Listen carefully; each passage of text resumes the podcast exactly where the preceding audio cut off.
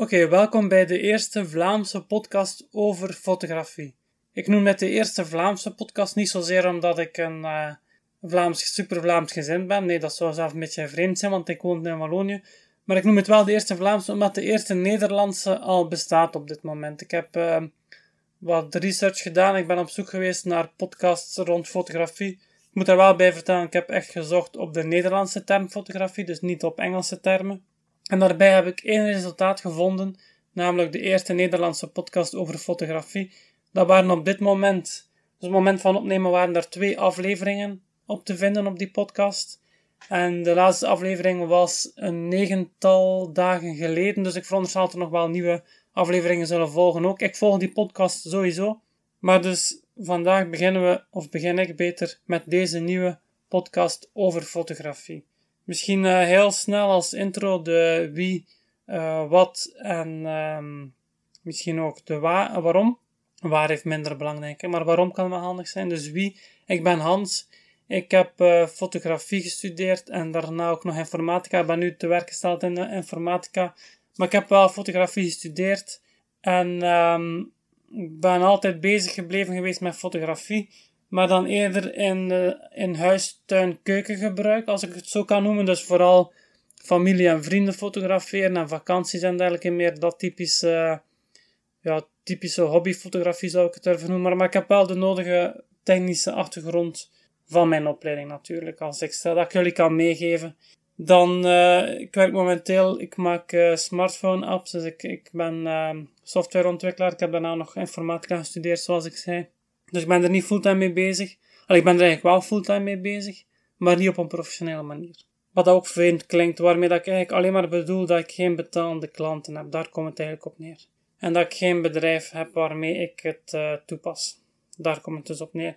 Dat was de, de wie. Ja, zo, en, en dan de, we het hebben over de wat. Eigenlijk uh, belangrijk als er vragen zijn, of als je, met als je bepaalde opmerkingen hebt, of je hebt suggesties, of je hebt bepaalde vragen dat je zou kunnen, dat je graag beantwoord wilt in deze podcast, zeker doorsturen. Je kan die sturen naar mij. Je kan die sturen naar Hans, dus dat is mijn naam, dat is uh, Hotel Alpha. Dan moet ik even denken, want dat is, uh, ik heb in de scouts gezeten ook, november. En uh, Sierra at hcpl.be. En hcpl zijn dus de letters Hotel Charlie, uh, de P van papa en de L van Lima.be. Dus hans.hcpl.be. Hotel Charlie Papa Lima. Dus daar mag je altijd uh, opmerkingen of uh, suggesties en zo dergelijke. Kun je allemaal naar daar sturen. En ik zal mijn best doen om die zoveel mogelijk te beantwoorden. Uh, de, dus de wat hadden, nee, de wie hadden we gehad? De wat, dus de bedoeling is van een podcast te maken in het Nederlands over fotografie. En dan denk ik, het zal vooral gaan over um, de, ja, het zal eigenlijk altijd over fotografie gaan, maar ik denk, ik zal die zo proberen opstellen, dat we eigenlijk, als je begint te volgen van podcast 1, mm, tot en met, laten we zeggen, podcast 10, ja, ik weet op dit moment is dat wat moeilijk, want er zijn nog geen 10 afleveringen. Maar stel dat je die eerste 10 afleveringen zou bekijken, of beluisteren beter. Met bekijken ga je niet veel bereiken, want het is een podcast. Uh, als je die gaat beluisteren, dan kun je eigenlijk vanaf uh, nul kennis van fotografie gaandeweg je kennis gaan opbouwen. Tot eigenlijk uh, ja, voldoende technische kennis om, om fotografie te gaan uitoefenen. Maar eigenlijk, fotografie heb je eigenlijk twee, je hebt twee belangrijke elementen bij de fotografie. En aan de ene kant is dat de technische basiskennis. En dat is heel eenvoudig over te dragen. Dat kan ik u heel gemakkelijk allemaal gaan uitleggen. En dat zal waarschijnlijk ook wel, zeker in het begin, de overhand hebben. Maar dan is er ook nog, dat is allemaal zeer objectief, maar dan is er ook nog een subjectief gedeelte aan fotografie. En dat is zo meer het gevoelsmatige in de zin van, als ik u een foto laat zien, dan kan dat zijn dat ik die foto heel mooi vind, maar dat iemand anders die foto maar zo zo vindt. Um, dus dat zijn allemaal meer subjectieve elementen. En dan gaan we meer kijken naar wat maakt een goede foto. Er zijn wel een aantal regels, uh, tips en dergelijke meer, uh, soort van guidelines, dus zaken, uh, regeltjes die je kunt volgen, maar je bent helemaal niet verplicht om die te volgen. En eigenlijk kun je zelf soms door die juist tegenovergestelde van die regels te gaan doen, kun je bijvoorbeeld ook een bepaalde stijl gaan ontwikkelen. Dus dat is allemaal vrij um, subjectief. En eigenlijk dat tweede deel, dat, dat ontwikkel je vooral door te gaan oefenen, door het uit te oefenen. Dus door heel veel foto's te nemen. En dan ga je eigenlijk onbewust die technische basiskennis gaan toepassen, waar je bent foto's aan het maken. Dus je zult correct gaan belichten, je zult bepaalde parameters gaan toepassen om bepaalde redenen, omdat je die technische achtergrond hebt, zul je begrijpen waarom dat die parameters zo en zo kiest. En dan geeft je de mogelijkheden om die, je zult die misschien wel onbewust uitvoeren, maar je zult die wel uit, uitvoeren of toepassen. Dan heeft u de mogelijkheid om door dat oefenen enzovoort te gaan groeien in uw kunnen. Dus in de manier waarop je kunt fotograferen. En, um, en u zult te gaan ontwikkelen. Dus heel veel oefenen. Ook heel belangrijk is dat niet alleen heel veel oefenen, maar dat je ook die resultaten zelf gaat gaan bekijken. Dus dat je zelf gaat gaan beoordelen. Bij digitale fotografie is dat super gemakkelijk. Je kunt een heel gemakkelijk foto maken. Dezelfde dag nog op de computer gaan bekijken. Um, en naast zelfbeoordeling, op een, zelfbeoordeling beter, op een bepaald moment is het ook belangrijk dat je de stap zet naar het delen van uw beste foto's, een selectie van uw beste foto's te gaan delen of te gaan tonen aan vrienden en familie, om daarvan andere bronnen ook feedback te krijgen. En eigenlijk is het de bedoeling dat je feedback krijgt van anderen, dat je daar kunt, dus dat je ten eerste al accepteert, die feedback, dat je luistert daarnaar, en dat je dat gebruikt om daarin, daaruit te leren, dus om te groeien in je fotografie, door het uh, luisteren naar feedback van anderen. Uh, we zullen dat doen. Uh, ik zal proberen van die podcasts. de meeste podcasts heb ik al gezien duren een uur, soms nog langer. Ik vind dat persoonlijk een klein beetje te lang. Dus ik zal zelf proberen van. Ik maak ook video's en die video's beperk ik eigenlijk bijna zo goed als altijd op maximaal 10 minuten. Dus ik ga proberen, ik denk voor 10 minuten voor een podcast is misschien wat weinig. Dus ik zal, ik zal het uh, zo rond de 30 minuten zal het proberen. Uh, ik, zal, ik zal mikken op 30 minuten. Laat ons zeggen tussen de 20 en 30 minuten. Ook als je daar opmerkingen rond hebt, laat dat zeker weten via mijn e-mailadres. Dan kan ik daar zeker ook rekening mee houden. Dus, de, dus dat is zo wat de format. Dus we zullen het vooral hebben over fotografie. In het begin iets meer de basiskennis. En naar lang dat we groeien, kunnen we het hebben over de meer uh, vormgeving, de compositie en dergelijke meer, over bepaalde regels. Kunnen we iets minder technische dingen gaan bespreken ook. Nu, ik kan mij voorstellen, een podcast is allemaal audio, dus ik kan mij voorstellen dat het moeilijk wordt om bijvoorbeeld compositie te gaan uitleggen, maar we gaan dat toch allemaal proberen. We gaan dat sowieso doen. Dus dat was de, de wat, de wie hadden we al gehad, en dan was het nog de waarom. Ja, dus zoals ik al zei, ik heb... Uh, ik luister wel wat podcasts, maar ik had nog geen podcast rond fotografie. Ik ben op zoek gegaan naar een podcast rond fotografie. Ik heb maar één gevonden, dus dan dacht ik, ja, oké, we proberen gewoon zelf een podcast te maken. En we zien wel wat dat geeft, als daar uh, feedback op komt of niet. En uh, ik heb genoeg inhoud, dat is geen probleem.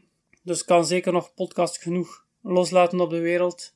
Ik zal mijn best doen om die technisch ook uh, goed te ontwikkelen. Dus ook, ja, ontwikkelen is niet het juiste woord, maar goed. Om die correct te gaan publiceren. Dat dat een mooie, goede geluidskwaliteit oplevert.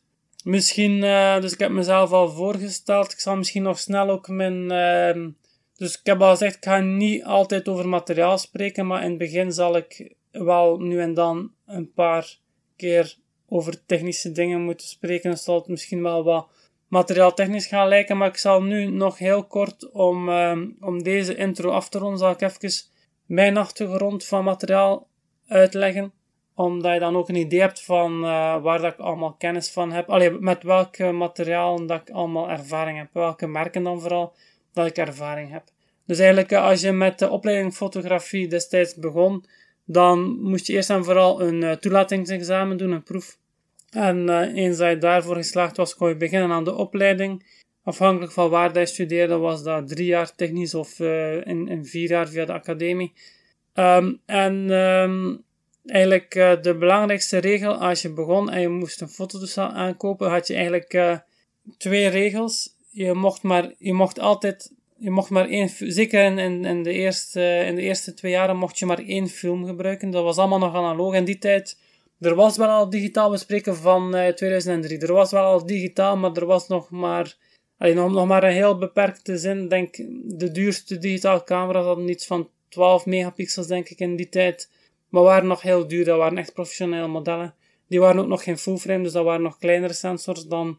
Ja, full frame betekent dus een, um, een sensor zo groot als de 35 mm film, dus de, de originele filmrolletjes. Dus dat waren nog kleinere sensors Ehm, de kwaliteit stond nog niet op het punt waar dat die nu staat. Dus, dus in die tijd was de, de kwaliteit van de digitale camera's nog ondergeschikt aan de kwaliteit van de analoge camera's, van de filmcamera's. Dus uh, we werkten allemaal analoog. Je moest eigenlijk altijd met de Kodak T-Max 400 een bepaald specifiek zwart-wit filmpje werken. De eerste twee jaar was dat nog, denk ik, verplicht dat filmpje. Je moest ook verplicht met een 50 mm lens werken, wat eigenlijk betekent een 50 mm voor 35 mm, dat is de brandpuntsafstand. Voor een 35 mm film is eigenlijk een standaard beeldhoek. Dus dat betekent dat je een gezichtsveld creëert dat nagenoeg hetzelfde is als het gezichtsveld van de mens. Dus dat is eigenlijk zo goed als geen vertekening. En dat zijn ook heel betaalbare lenzen, vaak ook heel lichtsterke lenzen. Um, dus interessante prime lenzen. Prime betekent gewoon een vaste brandpunt, dus geen zoomlens. Dat zou ook nog wel, dus als ik bepaalde termen, uh, als, als ik nu met bepaalde termen goochel, geen paniek, die komen later sowieso nog aan bod. En als we een aantal afleveringen verder zijn en er is nog een bepaalde term die nog altijd niet duidelijk is, laat het dan zeker weten, dan leg ik dat graag uit. Maar dus we moesten, en in die tijd had je, dus we moesten een camera kopen, in die tijd had je eigenlijk twee grote spelers op de markt. Je had Canon en je had Nikon. De andere merken, er waren al andere merken, maar die waren nog niet echt, als je professionele fotografie dacht in die tijd, had je als enige optie Nikon of Canon. Oké, nee, niet helemaal waar. Je had ook nog um, speciale merken zoals Hasselblad bijvoorbeeld voor uh, middenformaatcamera's. Je had ook nog um, Leica voor meetzoekercamera's. Je had nog wat heel specifieke, maar als we het hebben over 35 mm spiegelreflex camera's, analoog, dan was het Canon of Nikon. En dan eigenlijk een element dat heel belangrijk is, en dat wordt vaak nog over het hoofd gezien, denk ik, de dag van vandaag, als je een nieuwe camera zou kopen, dan even ze eigenlijk specificaties zijn de dag van vandaag bijna niet meer belangrijk, omdat zelfs de goedkoopste digitale camera's, de echte instapmodellen, zijn technisch al zodanig goed dat het eigenlijk nog maar weinig belang heeft wat dan de technische kenmerken zijn van een bepaalde camera. Wat dat wel belangrijk is, is hoe dat die camera in de hand ligt en hoe dat je die camera bedient. Of dat dat een systeem is dat voor u interessant is. En natuurlijk ook elementen zoals hoeveel lenzen zijn er beschikbaar voor die camera en dergelijke meer. Dat soort elementen zijn de dag van vandaag veel belangrijker dan de technische eigenschappen.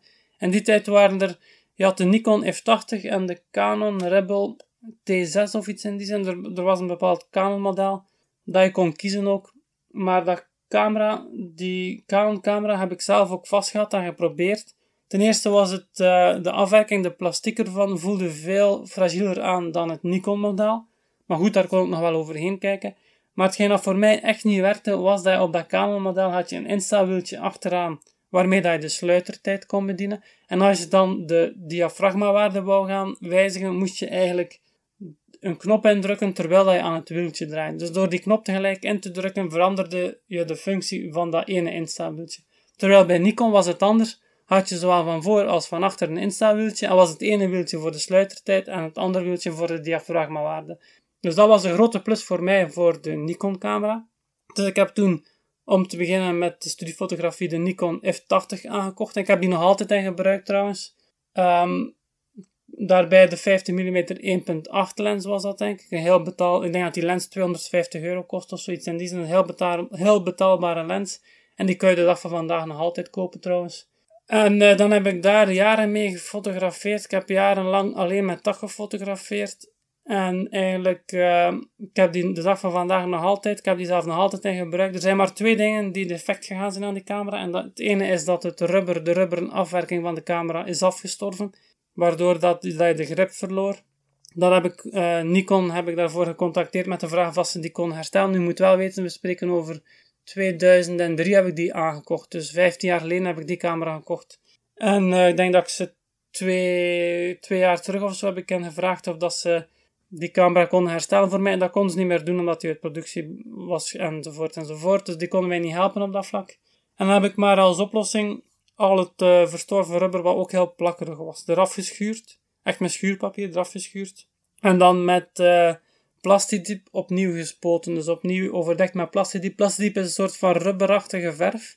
Die dus een, heel een rubberstructuur heeft. Dus dat betekent dat, dat ik eigenlijk met die verf opnieuw een grip heb kunnen uh, toevoegen aan die camera. Dus, en het andere probleem was dat uh, de instelwieltjes Dus die, die geven bepaalde kliks. Dus bij elke klik wordt uh, de diafragmawaarde of de sluitertijd, afhankelijk van wat hij wijzigt, wordt één stop, of afhankelijk van uw instelling een halve of een derde stop. Opnieuw stop zullen we nog wel uitleggen.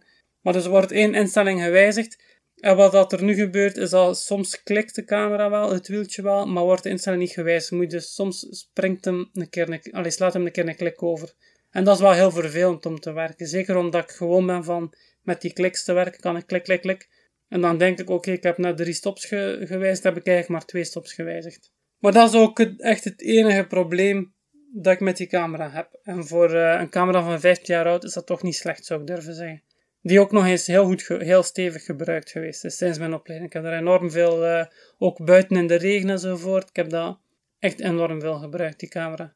Ik heb wel, uh, denk ik, twee jaar terug ook een, een tweede gekocht, een Nikon F80 tweedehands op eBay voor 10 euro. Dus ik echt waar voor 10 euro kunnen kopen.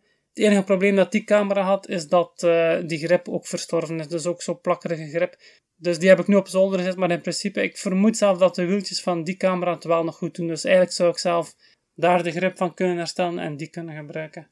Dus dat, uh, dat was mijn eerste camera. Dat was een spiegelreflexcamera. Een spiegelreflex is in principe dat het licht binnenkomt door uw lens op een spiegel valt en zo weer kaatst wordt naar een prisma wat dan weer het licht weer kaatst naar de zoeker en je kijkt in de zoeker dus eigenlijk via die spiegels en die prisma recht door de lens.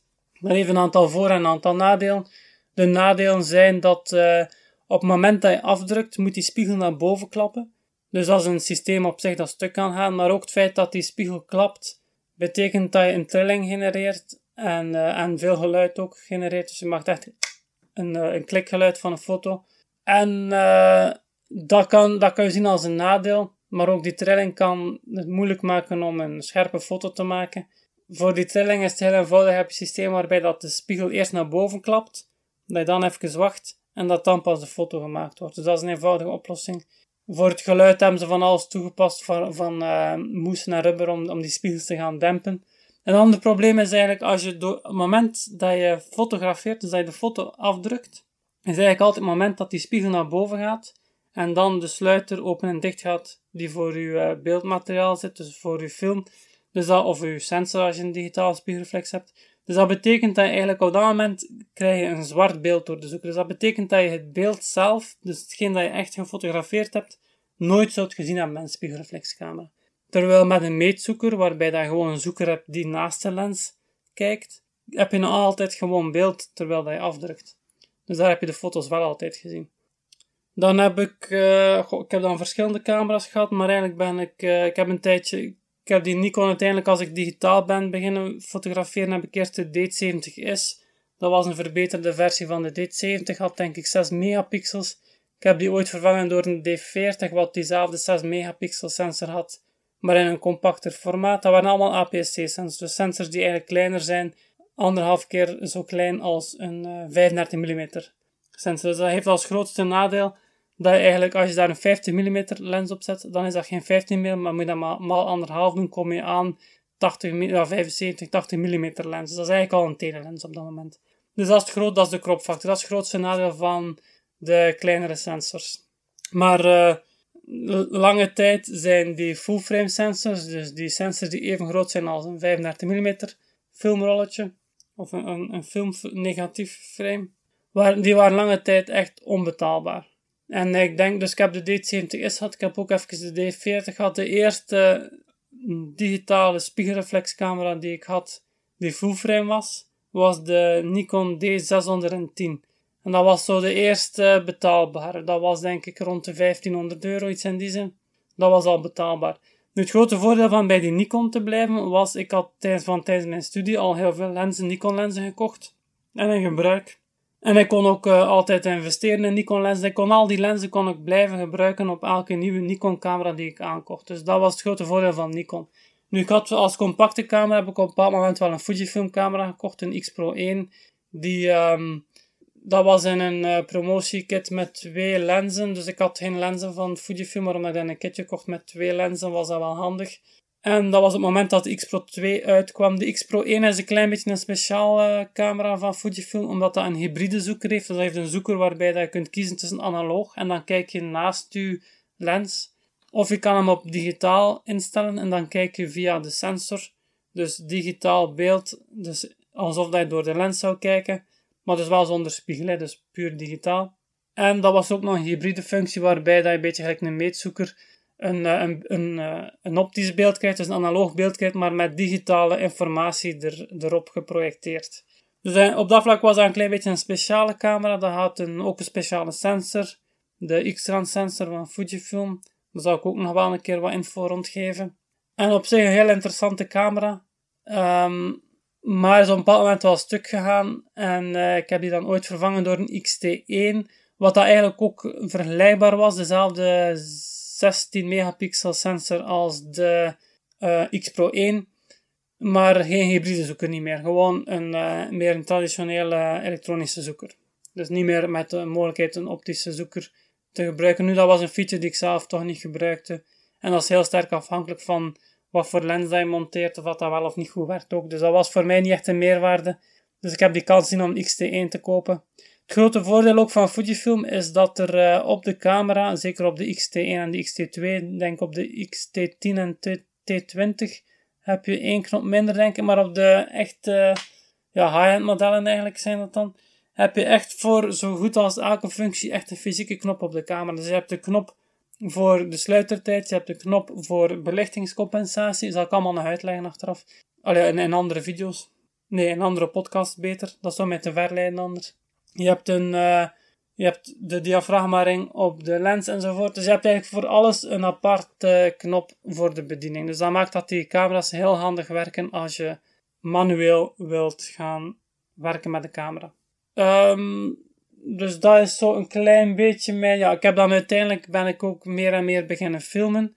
Nu, dat kon die D610, die was daar niet zo geschikt voor. Die had een aantal beperkingen. Dat waren zo de eerste camera's waarmee dat ik, spiegelreflexcamera's van de grote merken Nikon en Canon, waarmee dat ik kon filmen. Dus die, die had nog een aantal beperkingen. Je kon bijvoorbeeld de um, diafragmawaarde niet meer wijzigen als je aan het filmen was, denk ik. er waren een aantal issues mee. En om die reden heb ik dan op een bepaald moment een Sony A7, Alpha 7 gekocht. Dat was zo... Eigenlijk was dat ook een full-frame camera met dezelfde sensor als... Dus eigenlijk wat dat Nikon doet, Nikon gebruikt sensors van Sony. Dus die Sony had eigenlijk dezelfde sensor als in de Nikon. Ook full-frame, ook 24 megapixel. Maar dan in een, uh, in een compactere body, dus geen spiegelreflex meer, maar een systeemcamera met een digitale zoeker en ook nog eens uh, kostte maar, uh, ik denk dat 1000 euro of 900 euro was iets in die zin. Het was zelf nog goedkoper dan de goedkoopste of de betaalbaarste full-frame Nikon camera. Dus nog iets goedkoper. Nu, het grote nadeel aan Sony wil ik er wel meteen bij zeggen, zeker toen, is dat er heel weinig lenzen waren. En de paar lenzen die er waren, waren allemaal zijs, brandend, ze waren allemaal vrij duur. Terwijl bij Nikon heb je een enorm arsenaal aan lenzen waar je kunt uitkiezen, heb je veel meer keuze. En heb je ook van elk type lens heb je nog eens een, um, een goedkope instapvariant, dan een, een middenklasse variant en een hele dure professionele versie. Dus je hebt van veel lenzen ook tot drie versies. Terwijl bij Sony heb je eigenlijk toen zeker van alle lenzen alleen maar die ene dure versie. De professionele versie. Er zijn, uh, intussen zijn er meer lenzen bijgekomen. Het zijn wel nog altijd allemaal vrij dure lenzen. Ik denk, er zijn één of twee betaalbare lenzen de dag van vandaag, maar dat is niets in vergelijking met het aantal betaalbare lenzen van Canon en Nikon. Dus dat zijn wel grote pluspunten van Canon en Nikon. Fujifilm heeft ook niet zo heel veel lenzen, maar zijn wel vrij goed bezig met, het, uh, met een uitgebreid... Ze zijn wel al van veel lenzen twee versies bijvoorbeeld. En uh, je ziet ook dat het heel... Allee, dat ze er echt op aan het inzetten zijn. Ze zijn echt met mooie lenzen naar buiten aan het komen. En ze ze produceren ook echt lenzen waar dat er duidelijk vraag naar is. Bijvoorbeeld, ze hebben lang alleen maar een 60 mm macrolens gehad, wat eigenlijk geen echte macrolens was. Een echte macrolens is een 1 op 1, minstens 1 op 1 verhouding. En dat was net geen 1 op 1. En uh, ze hebben nu onlangs bijvoorbeeld de, allee, onlangs is half jaar geleden, ondertussen op een jaar zelf denk ik, de 80 mm echte macrolens uitgebracht bijvoorbeeld. Dus ze luisteren echt naar hun doelpubliek naar wat de vragen zijn, wat waar de vraag naar is. En ze produceren dan echt producten waar bepaalde vraag naar is. Dus op dat vlak zijn ze heel goed bezig. Maar ik had dan dus de Sony Alpha 7 als, uh, vooral om te filmen, want wat ik merkte als ik daar foto's mee maakte, ondanks dat hij dezelfde sensor gebruikte als mijn Nikon camera, ze hebben natuurlijk wel heel andere elektronica voor de verwerking van de beelden. Dan merkte ik bij mijn Sony kon ik perfect een JPEG daaruit laten. Uh, alleen kon ik een foto maken, een JPEG op de computer zetten en gebruiken zoals dat hier was. Terwijl bij de Nikon, nee, dus dat was de Nikon. Terwijl bij de Sony, als ik diezelfde foto maakte, had ik, en ik nam diezelfde JPEG op de computer erbij, dan had ik daar altijd nog vrij veel werk aan om die foto goed te krijgen qua, um, niet zozeer qua belichting, ja, soms zelf ook qua belichting, maar ook qua kleur en, en qua sfeer en dergelijke meer. Dus daar had ik heel veel werk aan. Nu, dat kan zijn omdat ik zelf in de jaren een bepaalde voorkeur had ontwikkeld voor de manier waarop dan Nikon foto's rendert. Misschien is dat het probleem.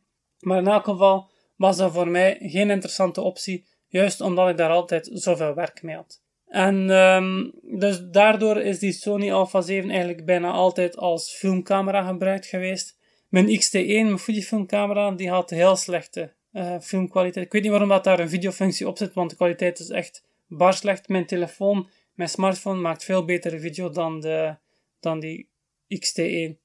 Maar dan op een bepaald moment kwam Fujifilm met de X-T2 naar buiten. En op de X-T2 was nieuw dat je ook kon 4K filmen uh, je kon in Full HD aan uh, eh, 60 frames per seconde. Tegenwoordig met een firmware update kun je zelf van 120 frames per seconde gaan filmen. Ook een sterk punt van Fujifilm en al de firmware updates trouwens. Waarmee dat er echt nieuwe functies gereleased worden. Dus dan had je heel veel nieuwe opties. Dus wat heb ik gedaan? Ik heb uh, mijn Nikon eerst verkocht. En met dat geld de X-T2 gekocht en een paar extra lenzen. Dus dan heb ik verder geïnvesteerd in mijn Fujifilm materiaal. En dan heb ik de XC2 beginnen gebruiken om te filmen. En een keer dat ik besefte dat dat perfect mogelijk was om met die XC2 te filmen, heb ik ook de Sony en de paar lenzen. Ik heb daar nooit veel lenzen van gehad van Sony. Ik denk, ik had maar een drie, ja, ik had maximum drie lenzen van uh, Sony. Juist omdat die zo duur waren, had ik daar niet veel materiaal van. Dus heb ik uiteindelijk ook de Sony kunnen verkopen. En dus op dit moment heb ik uh, op de Nikon F80, mijn eerste echte Nikon camera na, en twee prime lenzen die ik daarop gebruik. Ja, oké, ik heb die D40, heeft, heeft mijn broer in gebruik. Maar voor de rest heb ik bijna geen Nikon materiaal niet meer. Heb ik bijna alleen nog maar Fujifilm materiaal. Alles van Sony is ook weg. Ik heb bijna alleen nog maar Fuji materiaal. En ik heb dus um, qua ervaring, echte ervaring, kan ik spreken over Sony, over Fujifilm en over Nikon. En over Hasselblad. Ik heb ook nog een middenformaat camera. En een middenformaat is ook een spiegelreflexcamera. Maar het grote verschil met de 35 mm kleinbeeldcamera's is een middenformaatcamera, gebruikt rolfilm. Daarbij zijn de, de negatieven zijn eigenlijk 6 op 6, dus zijn veel groter. Dus bekom je een veel grotere kwaliteit. En dat is iets dat gebruikt wordt bijna alleen maar in de professionele wereld. Maar dat is iets dat ik uh, tweedehands ooit gekocht heb. En wat ik zelf ook wel graag gebruik. Om, uh, het is analoog, dus gebruik ik niet zo heel veel, maar ik probeer er wel gebruik van te maken. Dat is uh, Hasselblad materiaal. Um, dus Fujifilm heb ik gezegd, eigenlijk bijna alleen maar Fujifilm. Op dit moment ben ik bijna alleen maar met... En ben er ook heel tevreden van. Um, kan, allee, er zijn beperkingen aan, aan dat systeem. Er zijn wat issues gehad met de kwaliteit van de rubber, ook opnieuw van de XT1. Bij de XT2 lijkt het allemaal vast te blijven hangen. Maar uh, dus nu voornamelijk Fujifilm. En dan denk ik dat we wel kunnen afronden wat dat materiaal betreft. Want ik wil dus, zoals ik eerder al een paar keer heb gezegd, ik wil dus zeker geen vlog maken waarin dat ik uh, al mijn materiaal altijd ga gaan opsommen. Dat is zeker niet de bedoeling. De bedoeling is echt dat, je, dat ik u info geef, dat ik u de basiskennis meegeef. En een keer dat we die basiskennis hebben, dus dat we gaan opbouwen vanaf nul kennis naar de eerste basiskennis, dan misschien wat meer regeltjes rond compositie en dergelijke meer. En dan nog wat meer in detail rond basiskennis. Iets verder gaan in die techniciteit van fotografie en dergelijke meer. Zo'n combinatie van technische kennis en toepassingen en tips en ja, eigenlijk uh, alles wat je wilt weten en wat interessant kan zijn rond fotografie. Als je bepaalde ideeën hebt, zeker mij laten weten. Dus at, uh, hans.hcpl.be. Daar zal ik uh, op volgen als er bepaalde vragen binnenkomen. Ik denk de volgende video zal gaan rond belichting. En niet zozeer het, uh, al meteen het maken van de belichting, dus niet zozeer rond de parameters van de belichting, ISO-sluiter en, en, en, en, opening, lensopening, maar meer over het herkennen van een uh, belichting. Dus als je een foto bekijkt, dat je zelf kunt zeggen of dat die foto goed of slecht belicht is. Denk dat belangrijk, alleen, denk, voordat je kunt zeggen hoe dat je een belichting maakt, denk ik dat het belangrijk is dat je eerst en vooral uitlegt hoe dat een goede of slechte, wat dat eigenlijk een goede of een slechte belichting is, hoe dat je een bepaalde belichting erkent. Dus daarom gaan we in de volgende reeks meteen beginnen over belichting. Het herkennen van een goede of een verkeerde belichting. Dat was het voor de eerste aflevering. Bedankt voor het luisteren en tot de volgende.